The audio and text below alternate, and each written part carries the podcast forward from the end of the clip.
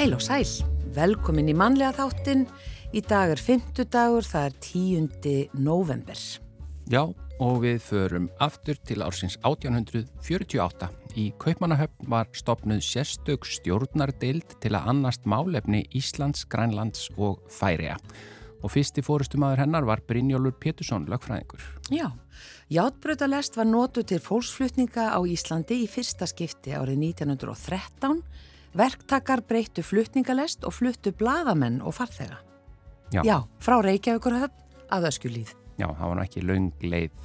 Nei, en kannski þá Já, þetta er svona okkar síperjur hraðlest. í lestinni, já, Já. hún er kannski farið mjög hægt. Já, þetta hefur allan að verið, þetta hefur verið nokkrar mínútur allan. Já, uh, Víð var brú yfir Hvítá í Borgarfyrði hjá Ferjukoti á þessum degi árið 1928 og þótti mikið mannvirki. 1944 þýskur kafbátur sökti farþegarskipinu Goðafossi út af Garðskaga eða skipið var að koma frá bandaríkjunum. 24 fórust en 19 björguðust. Þjórsárbrú var vígð á þessum degi árið 1949, 109 metra laung og 4,9 metrar á breytt milli handriða. Svo komst Siglufjörður í vegasamband allt árið við opnun Strákaganga 1967 sem þá voru lengstu göng á Íslandi, 800 metrar. Raforku kerfi Íslands var ringtengt á þessum degi árið 1984 þegar söðurlína var tekin í nótkunn. Og 1990 Pétur Guðmundsson kastaði kúlu 21,26 metra og bætti með því 13 ára gamalt Íslandsmet Reyns Haldóssonar. Já, yfir í efni þáttanins í dag við ætlum að fá sérfræðing í þáttin í dag. Í þetta sinn er það Tómas Guðbjörnsson, hjarta skurlæknir og prófessor í skurlækningum við Háskóli Íslands. Við ætlum að ræða hjartahilsuna og Tómas ætlar að svara spurningum sem hlustendur hafa sendt inn í posttólf þáttarins mannlegi hjá Rú.is. En rekja má þriðjung allra döðsfalla á Íslandi til hjarta og æðasjúkdóma og eru þrýr fjórðu þeirra vegna kransæðasjúkdóms. Já, þetta er mjög mikilvægt umræðefni og gott að velta fyrir sér e, bara þessum spurningum sem e, hlustendur hafa til dæmis sendt og þær eru nokkuð margar og, og e, svo ætlum við bara að ræða svona almennt um þetta í svona fyrirlutanum e, og þessar spurningar sem hlustendur hafa sendt inn þær snúast meðal annars um einmitt kransaða sjúkdóm, blóðþrýsting, ættgengi, gáttatif, snjallúr, líkamsþyngd, rauðvín og tækniframfaris. Þannig að hlustið endilega á Tómas hér á eftir. Já, en við byrjum á tónlist eins og alltaf þetta er Björg Guðmundsdóttir og tríó Guðmundar Ingólfssonar og lægið Luktagvendur eftir Natt Símon og það er Eiríkur Karl Eiríksson sem samti tekstan á því íslenska tekstan.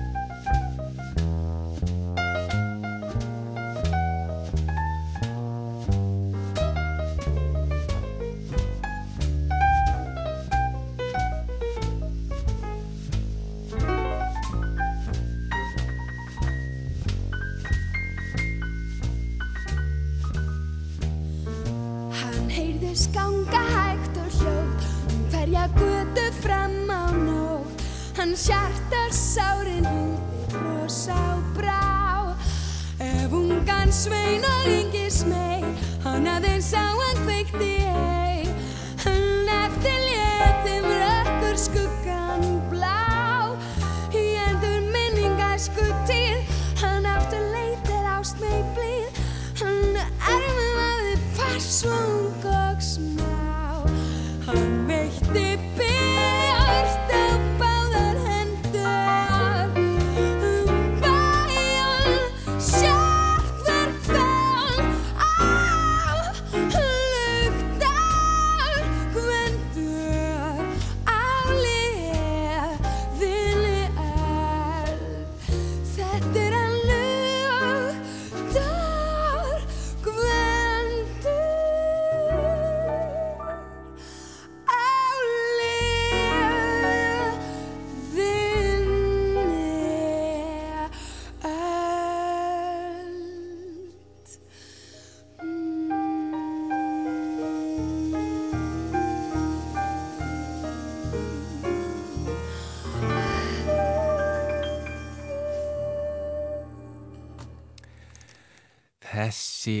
plata og þessi söngkona og þessi, þetta tríó, Já. þetta er bara algjör klassík. Eh, Glingló uh, hitt platan uh, og þetta Björk Guðmundsdóttir og, og tríó uh, Guðmundar Ingólfssonar og þetta lag Luktagvendur. Já, eftir eins og þú segir Nat Simon.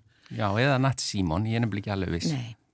Uh, hann, já, hann geti verið danskur, Nat Simon Já. og svo er það Eirikur Kart Eiriksson sem, sem samti þennan texta og við erum komin með sérfræðing vikunar í þáttinn hann situr hérna hjá okkur og það er Tómas Guðbjartsson hjartaskurlagnir og prófessor í skurlagningum við Háskóla Íslands velkomin. Takk fyrir. Við vorum skítrættum og þurftir að rjúka frá eða eitthvað, í, í, það kom ekkit upp svona allt í einu akut aðgerðir. Já, ég er einmitt á svona fjögra sólaringa vaktatörn núna og á að vera vakt en félagi minn er að leysa mig af núna í klukkutíma. Þannig að við getum, við getum alveg, ég er búin að slaka símanum.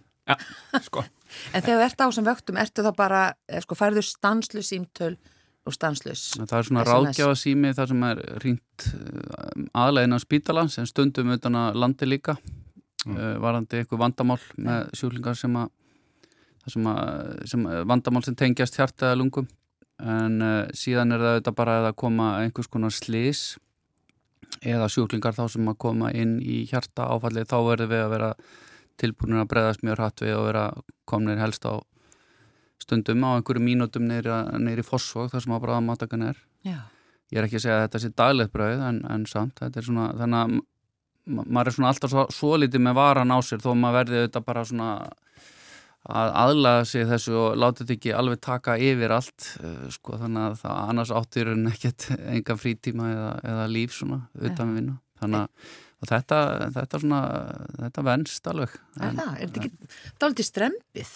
Jú, jú, og það tekur auðvitað meiri eftir því sem maður eldist, en samt að maður með meiri reynslu og svona og það kemur aðeins á móti, sko, Já. og svona, það er kannski færa sem kemur á óvart, en, en þetta er líka rosalega gefandi. Þannig að það er alltaf gaman að fara í vinna og, og hérna, alltaf hver dagur svona áskorun og mjög, mjög, mjög skemmtileg vinna og maður vinnur með mikið skemmtilegu fólki líka. en það svo, þú varst að tala um hann að hvað, fjögur að daga vakt? Eða, Já, í rauninni það er nú út af breytingum á vakt en við erum oftast þá þegar við tökum helgavaktnir okkar þá erum við sett, með föstudag, lögadag, sunnudag já, og ef maður er óheppin þá getur maður verið kallar út sett, unni, þá bæði dag og nótt og, og daginn eftir en og, og við erum sett, eins, eins og í, kvöld þá er ég dæmis yfir nóttina líka og verða að vinna alveg fullan dag á morgun og alla helgina. Þannig að við erum bara svo fáir. Við erum, að, við erum ekki eftir í fastri vinnu nema tveir af fimm. Við vorum fimm þegar ég kom heim 2005 og núna er þannig að og það er bara orðið mikil áskorun í helbriðskerfinu að, að, að, að manna sérfræðinstöður í sumum sérgrunum, sérstaklega þessum litlu sérgrunum sem hjartaskurðlækningum það sem líka tekur rosalega langan tíma að menta sig. Og, og við höfum orðið svona En sko það, þegar þú talar um svona marga daga í röð, mm. ég meina hvað þýðir það? Ertu upp á spítala allan ennan tíma eða ertu til taks? Ég er til taks oftast við, hérna, en ég er náttúrulega alltaf til staður Þannig að þetta er ekki þrýr sólarhingar á vögunni bara? Nei, nei, en nei. ef það er náttúrulega eitthvað að gera eins og það lítur út fyrir núna um helgina að ég þurfa að gera bráða tilfellega því að komi það mörg inn núna í byrjun vikunar mm -hmm. og mhm. það er ekki að gera það lítið þannig að það lítur út við verðum að gera hjarta að gera um helgina en, en þú veist þannig að dagarnir er alltaf breytilegir, maður veitir henni ekki þegar maður vaknar á mótana og svona alveg hvernig dagurum verður. Nei. og maður er alltaf að vera tilbúin að að svona breyta planinu svolítið, að hafa plan B og C. Þú veist ef að koma inn veikari sjúklingar en, en sá sem að þú allar að fara að skera þá eru jáfnvel að fresta þeirri aðgerð þá enga til daginn eftir eða næstu viku þannig að og þetta er mikil áskurinn í dag vegna þess að eins og við viti þá er bara Um, það, það vantar eh, hjúgrunafræðingar sérstaklega uh, bæða gjörgjastlu og skurstofu og þannig að veist, það er aðeins færri skurstofu dagar og, og það þýðir það að við erum ofta að fara fram yfir fjögur, þú veist að gera að gera jafnvel fram á kvöld og, og um helgar Já, en að þú sagði að þið verið tveir af fimm þegar Já. þú byrjaði voruð þið fimm Já. ertu þá að tala um þessu tveir hjartaskullagnar á öllu landinu? Já, við erum tveir núna í fastri vinnu Íslandikar, svo erum við með Eh, eh, lækna sem koma erlendis frá að hjálpa okkur sem er ómetalegt, það er eitt til dæmis í fastri vinnu hjá okkur alltaf eina viku mánuði og, og frá Salganska sjúkrásinu góða vinnur og svo hafa verið að koma til okkar lækna frá Lundi. En við erum með nokkra í sérnamenn núna og unga sérfrænga sem er afla sem er reynslu og vonandi snúa þeir heim. Það er ekkert sem að tryggir það eða hvað? Nei, það var alltaf þannig í skullarnisvæði að það voru svona 85% sem sneru heim til Íslands mm -hmm. en í dag er þetta bara orðin miklu opnæri markaðar, það eru týjir af flögum á hverjum degi til Norðurlandan og svona þannig að sömur velja að starfa ellendis og eiga jafnvel fjölskyldu eða að hluta til fjölskyldu á Íslandi Já. þannig að þú veist, þetta eru áskoranir í íslensku helbriðskeri og, og sumt að því er alveg líka jákvæmt, við hefum verið hefnir hérna að það er tölur ásvorn að koma hérna heim og, og vinna með okkur og lesa af sérstaklega þegar gósi var í gangi það hefur aldrei verið svona öll að maður hefur alltaf þurft að ringja já, þá komaður hérna gamlu félagarnir þetta eru mest hérna frá Lundi það sem ég var líka frá Uppsala, frá Nóri og þá hafa ég komið og leist af. Og þá getur við þetta aðeins farið í, í, í frí eða fækka vöktunum, þetta er náttúrulega mikið, mikið vinnálag og já. hérna og þetta er líka gott fyrir Íslands helbyrgeri þá koma þessir aðilar með mikla sérþekkingu inn þeir eru kannski búin að sér af þessi í einhverjum, ákveðinni sjálfgjafri aðgerð sem að er gert, gert sjaldan á Íslandi og koma þá eru með okkur í aðgerðinni eða, og, og svona þannig að það kemur heilmikið þekking með þessum afleysuru líka mm. en, en hérna en við þurfum auðvitað bara núna að vinni því að fá yngra fólk heim, yngra tími og sérstaklega konu, við erum eina alveg frábæra konu í umu og Ragnæði Mörtu Jóhannesdóttur sem er nýjórinn sérfræðingur og er að afla sem meiri mentunar og vonandi snýr hún heim og er það fyrsta kona sem myndi starfa sem hjartaskullegnir á Íslandi. Og, og því að þetta er mikilvægt líka það eru tveir þriði af öllum læknanemum í dag eru, eru konur og, og, og það er standað sér frábæðilega vel í náminu og það er mjög mikilvægt fyrir það er líka að sjá fyrir sér að þetta sé svona starf sem að geti höfðati þeirra og hendið þeim og, og þá er svo mikilvægt að hafa svona eins og maður heitir að einsku svona rólmódel og, og hérna og þannig að þú veist við þurfum að huga þessu og, og líka að huga því því að starfið að við aðlöfum starfið að einstaklingunum en ekki öfut að þurfa ekki að endilega neyða alla inn í þessa kassa. Þetta hefur þetta verið svona starf það sem að krafist alveg óheimur langs vinnutíma og svona mikill að fórna í rauninni engalífi og það er bara er kannski ekki alveg að ganga upp hjá ungu kynslan í dag veist, þau, og þetta eru áskorunum um allan heim að, að, að þessar svona vakta þingri og skurðgreinar eru kannski ekki Að, að mannast alveg vel eins og það gerðu áður. Það var svona mjög mikið samkjörnu um stöður og það er það reyndar ennþá eins og í bandaríkjunum svona meðalansvegna þess að laun eru há en en, en skiljiði það, það eru margi sem að kjósa svona lífstíl sem að er, er þægilegri, þú veist að þú veist að þú er búin klukkan fjögur og, og getur svo bönnin á leikskólan. Og allt veld fyrir mér hvað þessu svakavakt álægi og þessi löng, löng, lönguvaktir og auðvitað eru aðgerðna stundum gríða langar, það er ekkert verið að skipta út í miðri aðgerði það. Nei, einmitt þá einmitt maður hugsa bara, vil maður ekki bara læknarnir okkar séu kvildir? Algjörlega og það, en þetta er bara aldrei flóki mótel, auðvitað, ég minna þið veitir hvernig þetta er með flugmenn, margir flugmenn vinna kannski 15, 16, 17 daga í mánuði Já. og eru svo með mjög stranga svona kvildar, kvild, eru með ströng svona kvildarskiliri á því að það fara aftur í vinnu. Það væri í sjálfu sér ekkit óæðilegt að þetta myndi gilda eins og fyrir skurlækna líka. Mm -hmm. um, en það er bara svo flókið að þú getur í rauninni ekki í fyrsta lagi fundi mannskap til að ráða inn í þessar stöður sem eru hér og manna vaktirnar og halda samt uppi veitir, sko, skurðþekkingu eða tækni færni með svona fá tilfelli mm.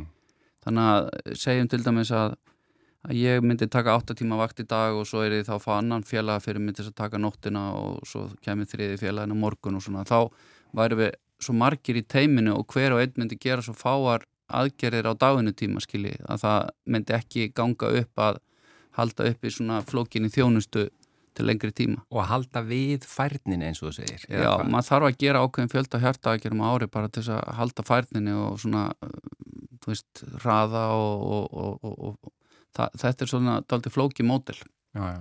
Og hérna, og þannig að ég held að það sé enginn sem er komin yfir sérstaklega 50 sem hefur áhugað endilega að vinna svona mikla vaktavinnu en, en uh, þetta er áskorunin í íslensku helbrískerfi í þessum litlu sérgrunum það er að, að geta haldið úti svo kallar 24-7 mönnun, þú veist, alla daga ársins, alla klukkutíma og sólarhinsins og við séum alltaf til taks uh mhm. -huh. en, en að við getum líka sendt uh, þessum skurðagerum að, að deginum til þannig að veist, það er útópi að halda það að það væri hægt að reka svona þjónustu með kannski 15 hjartaskullagnum þeir eru bara í fyrsta lega ekki til það, það vanta það mikið á heimsísu en nú með tvö þetta er rosalega dýrt og, og færni hvers og eins mynd ekki e, viðhaldast. viðhaldast nægilega vel oh.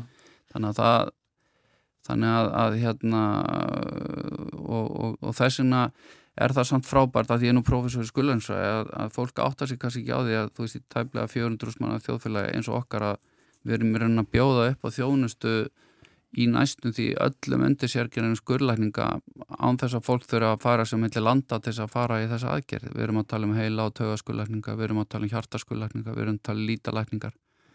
Það eru einstaka aðgerði sem eru ekki frangandir hér, það eru svona flóknustu hjarta aðgerð á börnum og heila aðgerð á börnum. Það eru heila aðgerðin að fara til Karolinska og hjarta aðgerðina til Lundar eh, í Svíðjóð en að öðru leiti eru að gera í rauninni allar helstu skurðagerir á Íslandi. Ég er enda glemti líka auðvitað hjarta í græslanum og lungna í græslanum, þær eru gerðar á Salgrinska í Kvætaborg.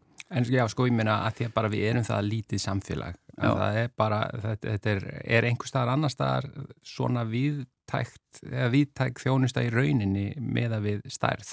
Ég held ekki og, og því þetta sjáum við bara að þið kom til færiða það er nú mjög svona þróa samfélag og svona myndi teljast frekar ríkt samfélag. Þeir eru allins ekki með hjarta eh, skurðagerir í færiðum þannig að allir þeir sjúklingar sem verða svona bráðveikir eh, fá fyrir hjarta og svona þá þarf að fljúa með þá til kaupmanafnar og því sjáu óhæriði því og það er bara sumir sem að lifa þann flutninga ekkit af. Mm. sama á Grænlandi. Þannig að þetta er einlega kannski svona vinsalasta fyrirlestrafni mitt erlendis, það er að tala um bæði hvernig við höldum upp í eigin læknaskóla sem er eitt svo minnst í heimi og líka hvernig við getum bóðið upp á floknu þjónustu á svona fáum sérfræðingum uh, og það byggist auðvitað aðláð því að við þurfum, erum í rauninni neittir til í gæsalöpum að fara í sérnám erlendis og við að okkur þekkingu á virkilega stórum sjúkrásum og þetta verðum við að gera uh, fyrir eigi vélarabli, við kannski fáum hjálp frá eldri kollegum sem hafa verið á viðkomandi stað.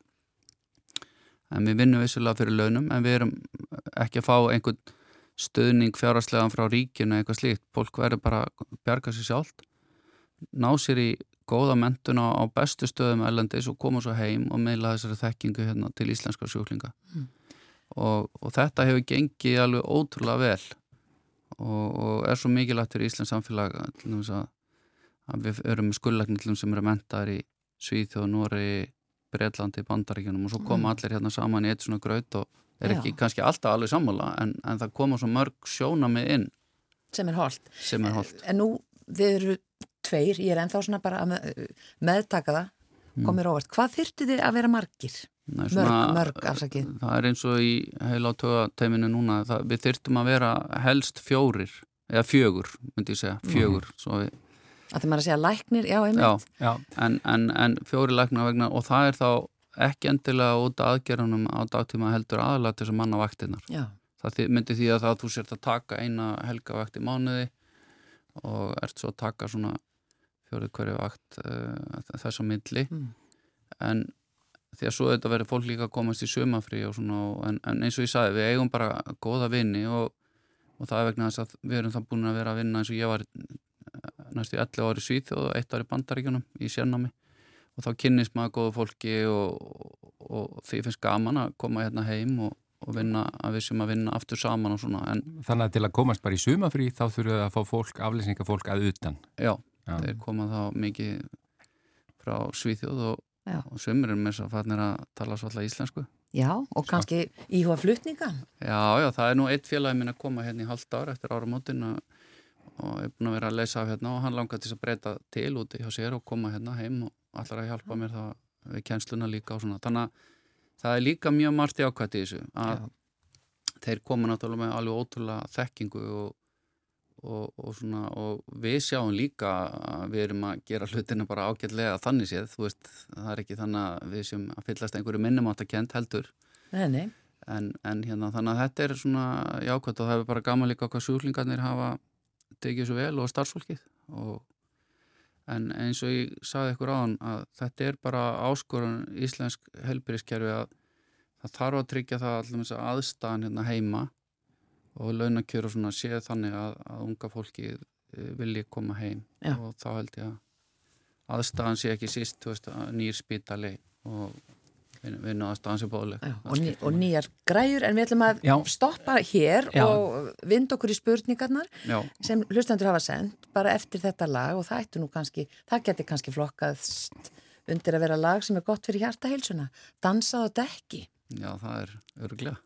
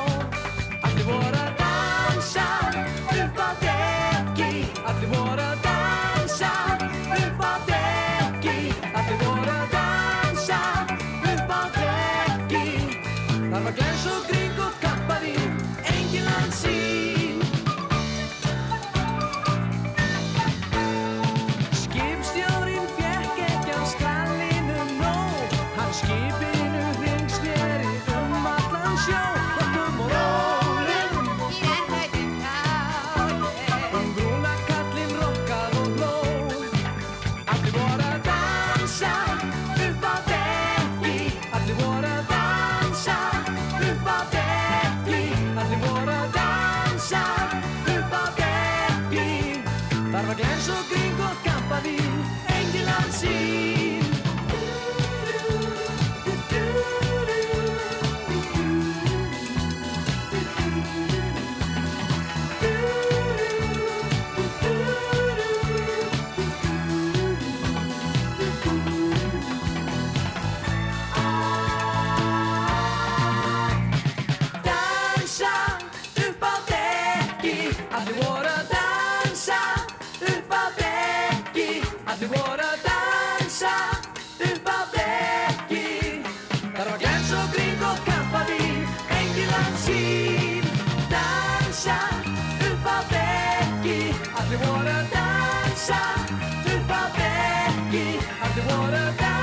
glensja upp á dekki.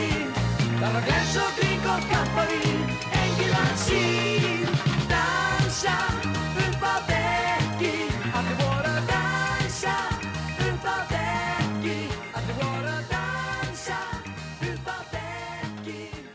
Það var glens og grík og kampavín Þetta var lagið Dansað á dekki og eh, þetta er hljómsveit sem heitir Fjörefni. Uh, ég veit nú ekki hvort það þeir hættu eða hvort þeir er ennþá eftir að uh, eiga svona, uh, svona endurkomum. En lagið er eftir Nikolás P. og Ellert Borgar Þorvaldsson samt í textan. Já, við erum með Tómas Guðbjörnsson, uh, hjartalagnir, hér skurlagnir sérfræðingur vikunar og við bara ætlum að vinda okkur í spurningar. Við erum búin að fá fullta spurningum, sendar frá hlustendum. Hér er svo fyrsta, þú tilbúin? Já. Já, í starttólunum daginn langaða aðtuga hjá Tómasi hvort HRVAF sem er mælt með Garmin úrum sé áreðanlegt. Nú setti Garmin nýlega inn uppvæslu í heilsúrin þar sem að HRVAF er ný mæleining. Ég er með 60 ms, hvað er... Eh, Svona millisekundur. Millisekundur meðal HRVAF uh, Garmin mælir meðan maður sefur sko þetta er svolítið flókið, það er ekki allir sem skilir þetta þú kannski Nei. getur útskilta betur, þetta vaff á það Já, en... og hann er 32 ára hann heldur mm. þetta sé lágt með við aldur uh, og þetta já. var svona undanfarin að spurningunni Já og já. pælingin er þessi að hann langar að koma er fólk farið að kvíða yfir þessum heilsu upplýsingum sem það færi nú aðganga til dæmis í gegnum þessi úr en mm. hafði áður ekki hugmyndum að gæti verið jafnvel heilsukvilli. Óþarfa kvíði uh, mögulega þar sem að þessi úr eru ekki vottaður búnaður fyrir slíkar mælingar. Þetta er, þetta er mjög, hérna, hún er aldrei snúin þessi spurning en, en mjög góð og Já. hérna ég er mjög hrifin af þessum úrum og er sjálfur með eitt Já. og þá aðlagna þess að í því að GPS-tæki og landakort, þannig ég get haft það utan á góruðtagsjakkanum minni þegar ég ætlum að fara upp á Kanadarsnúk og þarf ekki alltaf að vera að rína í GPS-tæki mitt sem er starri skjá og það gefur upp hæð og vegaleind og annað sem svona rauturandaki algjörlega frábært og, mm -hmm. og þú getur fengið líka við með svona á þennan púl sem ert með við árenslu hins vegar er þetta daldi snúið með þessar upplýsingar sem við erum að gefa eins og HRVF vegna þess að það er HRVF er hvað? Ja, þetta er svona heart rate variability og er rauninni gefið til kynna hversu breytilegu púlsin er uh, og ef þú hugsaður hjartalínur þá koma svona toppar, svo kallar QRS toppar mm og það er sem talið gott teikn að það sé mismunandi bil á millið þessara toppa. Það kom ekki alltaf á nákvæmlega sama tímabúndi eins og á hjartalinurítinu mm. og þannig að þú veist, þú getur verið með 60 púls og ég líka en þú ert kannski að skila þessum 60 slögum með mismunandi millibili á millið þessara hjartaslaga. Og þetta gefur þá til kynna að virkni svo kallega eh, sympatíska og parasympatíska kerfisins, ég veit þetta er svolítið skrýðin nöfn, en það er til íslensk nöfn fyrir það að ég eh, svona vísa yfirleitt til þessa ennsku mm. að þau stýra í rauninni hjartslættinum. Sympatíska kerfi er þetta flight and mode kerfi sem að dælir inn adrenalin og hraðar á púlsunum að parasympatíska kerfi hægir á því.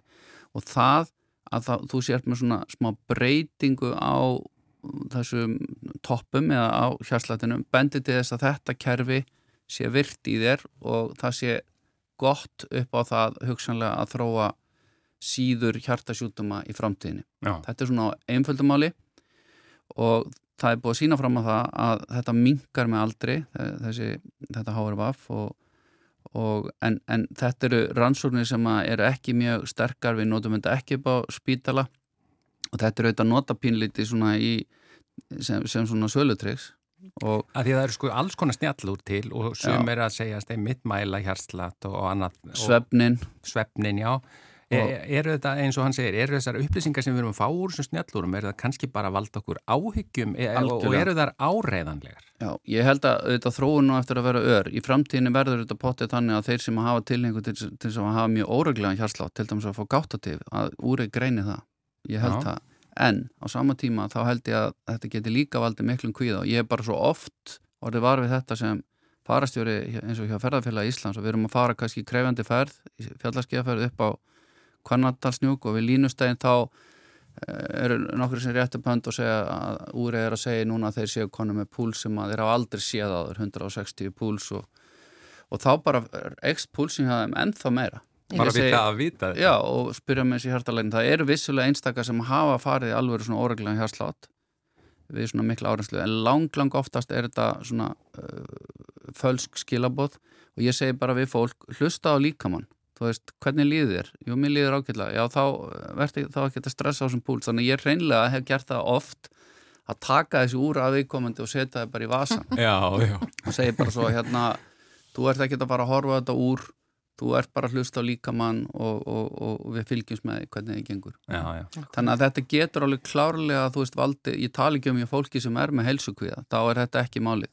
Já, og, en ég er ekki að gera lítið um mælingunni, ég teka fram að þessi úr eru frábær en, en, en þetta er líka mannstuð, þú veist eins og með svefnin, það, það er til úr sem mæla svefn og svo er fólk líka mikið að fara í svona eins og fytumælingu á helsurættastöðum svona ég set stór spurningamerki við, við gæðin á þessum, þessum mælingum og, og hversu mikið það skila þér sko já, Já. hversu nákvæmt það er Já. Já, En næsta- svona, Næsta spurning, Spurning, er það ekki bara? Jú. Þetta var bara fínt svar. þú myndist á gáta þig Já, góðan og blessaðan daginn. Eh, Ég verð vör við að konur í kringum mig um sjötugt eru með það sem kallað er gáttatif. Hvað er það?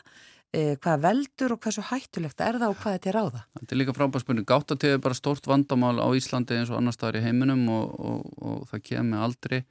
Það eru til svona erðaþættir sem að geta stöðla að því. Þetta er algengt eftir hjarta skurðagerir, alveg 30% sjúlingunum fá það en það gengur yfirleitt yfir. En þetta í svona stuttumáli, þá vitum við ekki ennþá nákvæmlega hver orsökin er.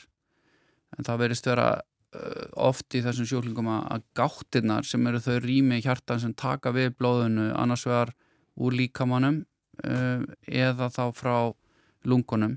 Það er stækka og það getur sagt, mynda svona uh, eins og staðir á víð og dreif í gáttunum sem að fara að framlega óeðlilega púlsa. Þannig að þetta fer ekki gegnum þessar svo kallum hnúta sem eru uh, bæði í gáttunum og sleglunum og fer svo eftir svona leiðslukerfi eins og ramagsleiðslu á sín, sína staði. Mm. og þetta veldur því að gáttirnar þær fara að slá í svona eins og lit, litlum svona titur takti það er svona, það er tifa, þess vegna heitir þetta gáttatif, það verður ekki svona eitt samfældur hægur samdráttur heldur það er að tifa. Og þetta veldur því að gáttirnar eiga miklu erfiðara með að tæma sig inn í sleilin því að þær eru að fæða sleilin á blóðinu þess að sleilin getur svo dælt blóðinu annarkort út í líkamann eða út í lungun. Og þannig að við það að fara í svona gáttatíð það geta sumir orðið daldi slappir, það eru reynda sjúklingar sem finna ekki mikið fyrir þessu, sem er þá lítið að reyna á sig. En aðri verða bara tölver slappir.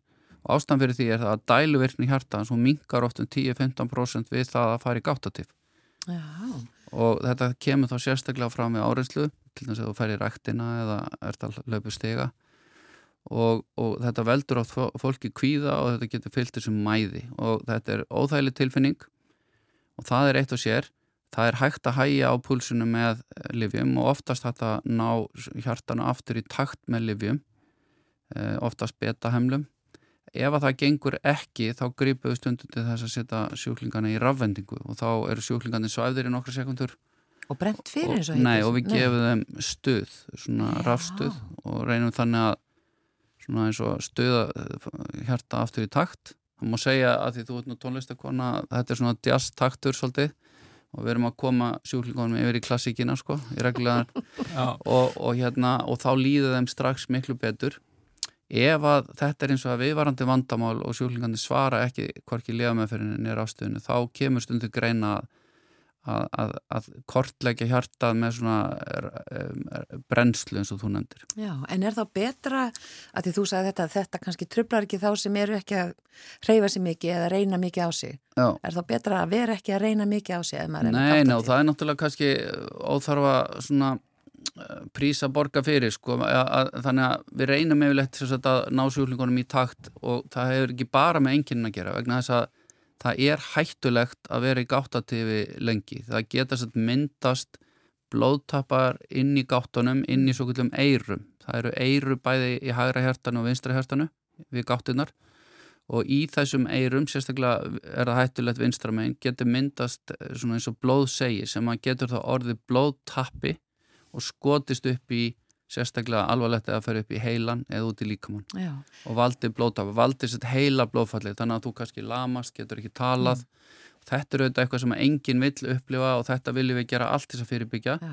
þannig að sjúklingar sem að eru í gáttatífi lengi eða, rökkva í úr þá erum við að tala um kannski sko upp á spítalega mér eftir hjartaækjörna þá viljum við ekki að sjúklingandi séu lengur en 48 tíma í gáttatífi okay. og þá setjum við það á blóðþynningu oft þá tímaböndið þanga til að hjarta næst í takt en ef að þetta er viðvarandi vandamál segjum, þú veist, mánuð og árum skipti þá náttúrulega eru sjúklingandur oft hafðir á blóðþynningu eh, annarkvort varfaríni eða nýjum lifun sem eru komið núna eins og elikvis og og þessi eh, lif þá notu til að fyrirbyggja það að myndist þessi tappar í, í, í hérna, gáttunum. Já.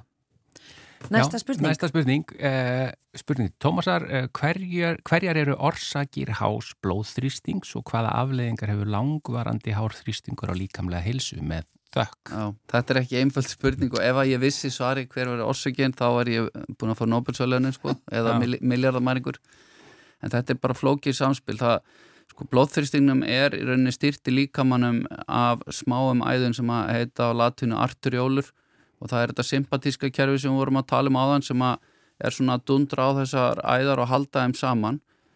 Um, þannig að þessi virkni hjá sjúklingum með háþyrsting er óæðilega mikil en það er líka aukin stíflegi í, e, í æðunum sem það er minna þennjarlegar þannig að það verða stífari og inn í þetta spila alls konar flókin hormonakjæru líka sem að meðal annars nýrun taka þátti og, og, og hormon sem eru framleiðið í lungunum. Þannig að þetta er mjög flóki ferli. En þetta er eins og gríðarlega algjent vandamál. Mjög algjent hjá bæði köllum og konum sérstaklega þau sem komin eru 50 og það er alveg klárt að það eru sterkir erða þættir í þessu. En það er hægt að fyrirbyggja háþristinga einhverju leiti til þess með því að takmarka saltnæslu og, og með því að að hérna, reykja ekki og reyfa sig og svo framveist þannig að það er íminslega sem maður getur gert og stilla áfengisnótkun í, í hóf Já. Getur streyta ekki valdið? All, streyta alveg klart eins og ég sagði, hún er náttúrulega beintend þessu sympatíska kerfi þannig að mm. hún er alveg og það er auðvitað það sem margir finna hver er engininn, það er oft svona höfverkur jafnvel, svona, jafnvel fyrir eirum mm. en síðan ef þetta, ef þetta er langvarðið ástand þá veldur þetta auðvitað því að, að það er svona háþrýstingur á kerfinu sagt, og hjarta þarf að dæla út á móti meira, meiri mótstöðu. Og það er, gerir hjartanu erfiðar fyrir og, og það lúast, eh, hérna, verður lúið með tímanum uh -huh. og getur þyknað og svona, það er óæskilegt og getur valdið hjartabilun til lengdar. Og síðan er þetta óæskilegt líka fyrir nýrun, þau geta æðarnar til nýrnarna geta eh, skemst og þetta getur valdið nýrnaskemdum ja, nýrnabilun. Og svo í síðasta lagi er það heilin sem að þetta er svona þessi þrjú stóri lífæri sem að uh, sem að verða svona fyrir alvegum skakkaföllum og, og það getur þá valdið auki hættuna á heila blóðfalli að það blæði uh, út úr æðum inn í heila vefin því sem við kvöldum að einsku strók heila áfall eða heila blóðfall. Og þannig að það, það er mikilvægt að greina þetta tímalega og ef að það búið að greina þetta þá bregðast við því og þá er þetta oft í byrjun eða vægt þá er það svona, þú veist, reyðu þig þú getur hérna, reynda meira það eins og svo framvegs og svo er aðalatrið að fylgjast með þessu og núna er náttúrulega til svona heimamælar sem að fólk getur keft sér fyrir tiltölu að lítið penning og mælt sér heima. En vandamáli er bara með þessa heimamæla langt flesti nota allt og lítið. Já, einmitt En, en eru þeir nákvæm, talandum sko snjallúru náðan og svona, eru þau til já, að byrja með nákvæmir og öðru lagi er gott að fá alltaf þessar upplýsingar, getur það valdið enn meiri streytu? Já, ég held samt að þarna eru tækin orðið miklu nákvæmari og við vitum líka meira hvað gildin þýða, en það er mikilvægt veist, að liggja út að vera aðeins í kvíld, vera ekki ný, búin að hlaupa upp tröppið og mæliði og svo framis. Mm -hmm. Það er kallað svona white coat syndrom að þegar þú hittir læknin þá verður svo stressaður að mælingi verður herri sko, þannig að það er eitt sem gerir þú greinir þetta hjá sjúklingi það er að fá hann aftur í viðtal og, og láta mæla hann aftur. Þannig að mælingarnar eru bísna nákvæmar og þetta er auðvitað frábært að fólk geti mælt sig. Eh, en síðan auðvitað verður að fá hjálp læknist til þess að tólka niðurstöðunar. Hvenar er þarf að meðfram? Maður miður oft við svona 140 efri mörgum og 90 efri mörgum. Maður vil gætna ná þrýstinunni er í svona 85 efri mörgum og, og hérna og svo er það eins og við veitum með aldrei þá þannig að kalka aðeina meira og það er eðlilegra í rauninni að vera með hæri blóðhystinga eftir sem að tími líður. Mm. En að þú nefndir hormóna eh, hvað með konur sem eru komnar eh, já, yfir hérna 50 og eru að taka hormóna eða ekki að taka já, hormóna? þau, skiptir það máli Nei, í rauninni ekki slíkir hormóna ekki svona hvern hormón sem slíkir en, en þetta er líka frábár spurning að Sett við vitum það alltaf eins og sjúklingandi sem er að koma í aðgjör til mín að konur eru yfirleitt fimm árum yngri en kallmenn þegar að fara og af þessum stóri hjartaðgjörum eins og kransahjáðunni þá eru að koma í aðgjör til mín fjórir kallmenn á, á móti einni konu. Og sumi vilja meina að það sé líka vegna þess að það séu vangreindar og þetta er svona eitthvað sem ég hef mikið áhuga á að enginni kvenna er stundum öðruvísi heldur en kalla og það er oftast kalla sem að skrifa bækurnar og gera rannsóknar skilji, lefafyrirtekin. Þannig að við hefum verið mjög mikið hérna heima í mínu rannsóknteimi að rannsaka árangur hjá konum og enginni kvenna. Og þetta er þannig að þær njóta góðs að þessum kvennahormonum framan af sem að hafa áhrif á æðakerfið og æðakölkunina sérstaklega. En síðan eftir breytingaskeiði svona upp á 50 og þannig aðeins mismöndu eftir konum hvernig það gerist en en þá svona fer tíðinni þeirra að nálgast kallana og, og, og hérna konur lifa enþá lengur en kallar í dag. Og þannig að við erum að sjá svona að, að, að það eru e, fleiri og fleiri rauninni konur til dæmis að fara í aðgerð að fá flókna meðferð við þessum hjartasjútum að því það er lifa líka lengi Já. sem er jákvæmt Næsta spurning Já, uh, sko, uh, ég er bara að velta fyrir mér að þú svaraðir eða þú ert búin að svara svona nokkurn veginn. Uh, nokkrum. Nokkrum, já. Þannig að prófum aðeins hérna, nú er alltaf verið að uppfara hvað er holdt og gott fyrir okkur. Það sem var í gær, holdt er ekki hendilega í dag. Hvað segir hjartalæknirinn til dæmis um rauðvín? Mm. Er það í hófi gott fyrir hjartað? Hvað þá með áfengi eða kaffi, te, koffindriki? Já, þetta, þetta er mitt hérna...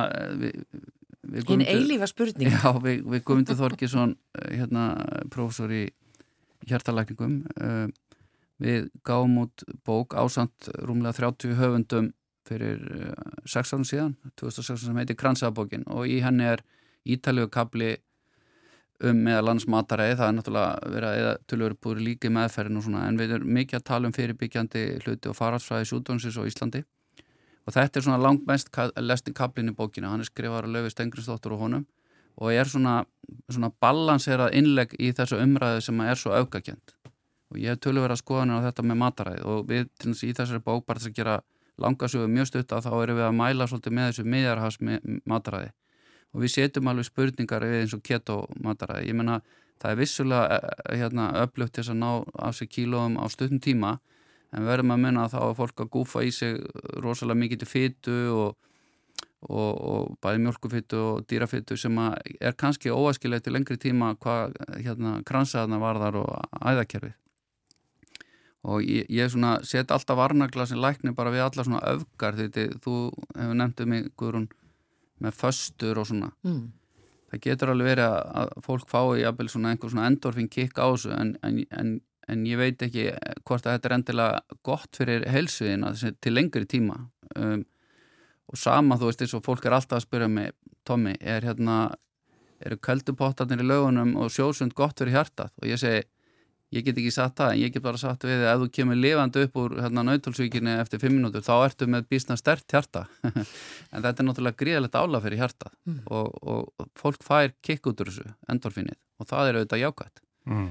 En, en hérna en ég bara segja að þetta er svo flókna spurningar en varðandi mataræði þá skiptir máli að umræðan sé svona balansir og þegar ég var læknanemi fyrir 30 árun síðan þá var verið að tala niður til dæmis egg og dýrafittu rækjur að þetta er kólesterólik fæða en í dag er umræðan orðið miklu svona uh, jákvæðir í rauninni hvað var það kólesteróli. Þetta er náttúrulega að miklu leiti til kólesteról sem að líka minn er að brjóta niður eða búa til sem er vandamálið og það er hægt að ná því niður með livjum og er mjög mikilvægt en til dæmis kólesteról og fæðu hefur ekki svo mikil áhrif á þetta slæma kólesteról, LDL kólesteról eins og áður var talið Aha. þannig að í, í dag er eurósku matar hérna, það er ekki þetta en til að pöngast á eggjum eins og það gerðu hérna, eins og við notum svona unglingamál mm. og, og hérna og þannig að en, en það er mikilvægt ef að kólesteróli er hátt, það er algjörlega sanna að ef að kólesteróli er hátt þá eigur það tíðinni aðeins og við erum með frábær lif í dag sem langt flesti þóla, ekki alveg allir sem að ná niður kolesterólinu. Og svo verðast þessi liv líka hafa góð áhrif á æðakölkunna þau svona eins og stabilisera sjúkdómin í vegginu þannig að það er síður hætt á rofi. Já. þannig að allir sjúklingar sem að ég sker eh, við kransasjúkdómi fara á kolesteról lækandi liv, jáfnveil þó kolesteróli er að sé eðlilegt og þannig að þetta er svona mataræði. Þá komum við að þessari algengustu spurningu út í þessa kransabók og mest lesnu síðan í bókinni sem eru rauðvinni og það er alveg þannig að, að það er búið að sína fram á það með bísna sterkum rannsóknum að að hæfilegt magna rauðvinni sem oft tengist á þessu meðarhafs mataræði sem við vorum að tala um á hann verist hafa vendandi áhrif á hjartasjútuma, æða á hjartasjútuma en nota beni í mjög takmörkuðu magni og það er þá oft talað um tvö glöss hjá kallmennum og eitt glas hjá konum og þá segja allir við mig Hversu stór? Já, þeir fá sér bara risaglas en, en það má ekki glema því að áfengi hefur náttúrulega svo önnur svo slæm áhrif til þess að mörg krabba megin og og það er svona heldur búið að draga úr þessu, þessum leiðbenningum, ekki leiðbenningum en þessum svona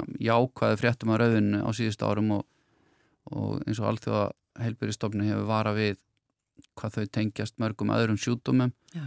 og þá ekki síst krabbamennum þannig að þú veist þetta er alls ekki þannig að ég mæli við, við mína sjúklinga að fá sér sérstaklega rauðin á hverjum degi til þess að halda niður aðeinsjútum því að þá ert að borga fyrir það einhver starf annar starf en hins vegar er það þannig að ég er ekki að segja við þá að sleppa rauðinni með matnum eða góðu matur. Þá, þá er, og svo er líka annað mikilvægt í þessu að þetta á ekki við um annað áfengi, þetta á ekki við um bjór, þetta á ekki við um kvítin og ekki við um sérstaklega stert áfengi, þannig að það eru efni í vinslu rauðins sem eru í, í þrúunum eh, sem að hafa svona einhver svona jákvæð áhrif á, á bólguna í aðvegnum. Hmm. Þannig að ekki einu svona kvítvín eða hvað ég er bara að spyrja því ég veit ekki um það. það. ég er enþá sko, ég, ég prófaði fyrir tveimur og halvu ári síðan að hætta að drekka áfengi sko, þannig að þú ert, ég ætla samt ekki að vera eitthvað svona þú ert ekki að mæla sko, með drikju því að það er bara eitthvað sem ég prófaði og ég fó bara að finna, þetta var alls ekkit vandamál hjá mér að ég, að ég sagði ykkur á hann ég var að vinna svo mikið á öktum að ég fó bara allt í henn að finna að það hafi verið algjörlega mínimal magna, ég fór að sofa miklu betur. Og, og hérna margir sem að fá sér, eða eru þreyttir eftir vinnu og fá sér eitt að tökljós þá finnar alveg svona hálf þrjú og þrjú að þeir vakna eða um nóttina og fá svona, svona eins og heitur vondumáli rýband þannig að ég er ennþá bara í þessari tilræmi sjálf mig og, og hérna en ég ætla alls ekki að, að, að vera einhver postuli hérna, ég er bara að segja að, að það er sagt, allavega ekki ástæða til þess að vera endilega sneiða hjá uh, rauðvinni í hóflegu magni. Mm -hmm. og það er mjög mikilvægt að að, að, að sérstaklega konur passi sig þegar þær eru viðkvæmari fyrir sömu skömmtum og kallanir og þetta á þetta sérstaklega við um reykingar. Já. konur eru síkartunar jafnstórar bæði kynreina en þetta er miklu minni líka með yfirleitt hjá konum. Og þær eru oft helmiki meira uh, veikvamar eða hérna, móttækilegar fyrir óaskilu áhrifunum en, en kalla. Mm. Sko ein hérna spurning sem við verðum eiginlega, þú varst búin að svara eiginlega fyrir hlutanum á henni eh, hérna, með að, að blóðþynningu til að koma í veg fyrir heila blóðfallið það, en setni hlutin er þeir sem fara reglulega í aftöppun vegna of hás uh, ferritín mm -hmm. eh, eh, hafa þeir minsta líkur á blóðtappa? Já, þetta er hérna, stundu kallað járn áflæsla á Íslandi og ferritín er svona mæling á, á, á járn í blóðinu og ef það er mjög látt þá getur það leitt verið skýring á blóðlýsi en það eru alveg til sömi líka og það eru svona erða þetta í þessu sem að framlega óeðla mikið og eru þá með ofhátt blóðkildi, ofháan blóðræða og það er alveg klálega óæskilegt fyrir utan það að þessu fólki líður ítla það er óæskilegt að vera með ofháan blóðræða vegna þess að þá þykna blóðið og þá ekst hættanum þetta á, á blóðtöpum og slíkt. Þannig að meðferðin er átt reynilega bara svo að, að tappa af fólki regla uh mhm. -huh og, og hérna, en við gerum þetta ekki þannig til þess að fyrirbyggja blóttappa að tappa úr því og láta fólk verða svona hálf blóðlust það er alls ekki góð meðferð sko. en, en fólki líður oft líka betur að, að losna við blóðið og, og þetta er eins og er eitthvað sem þarf að rannsaka og meðferðin er þá henni er stýrt af blóð meinafræðingum ekki hjartalagn mm. Þetta er bara síðasta spurningi. Já, ég heldur bara að náðu því miður ekki fleirum. Eh, þú varst úr reynda búin að svara mjög svona mörgum liðum að þeim. Er eitthvað svona sem þú vilt koma að bara í lokin, Tómas Guðbjörnsson, eitthvað svona? Nei, nei, bara gaman að fá að spjalla við ykkur en það er bara, þú veist að einmitt að forða svona öfgar í, í þessar umræðu og, og við höfum náðu alveg frábærum árangur í Íslandi með eins og kransasjútum. Við höfum náðu dánatinn og nýkinginu síðan 30 ára niður, kannski um 70-80% sem er einstáta heimsísu og aðal ástæðan fyrir því eru minni reykingar en líka hotlara mataræði mm. og, og hérna gott eftirlit með blóðþustingi þannig að við erum svona vel upplýst þjóð og við erum virkilega að ná þessum risa faraldri sem að var hérna í Íslandi svona niður. Þetta er ennþá einn stærsta dánárasökinu í Íslandi og við þurfum að þetta gera enn betur. Já. En við erum með virkilega jákvæða fréttir, ekki, ekki síst þetta með reykingana. Tómas Guðbjörnsson, þakka þér innilega fyrir að vera sérfræðingur vikunar í þetta sinn. Já, Takk. og við bara hveðjum ykkur í dag, það er 50 dagar á morgun er förstu dagur og þá fáum við förstudagsgest og uh, hann er, ég hvað er það að segja? Annar þekktur læknir. Já. Já, það er Þórólu Guðnason. Fyrirverandi sótvarnalæknir. Fyrirverandi, já. En við fáum hann á morgun í skemmtilegt spjall sem förstaskest. En við þökkum innlega fyrir samfélgin í dag. Verðið sæl.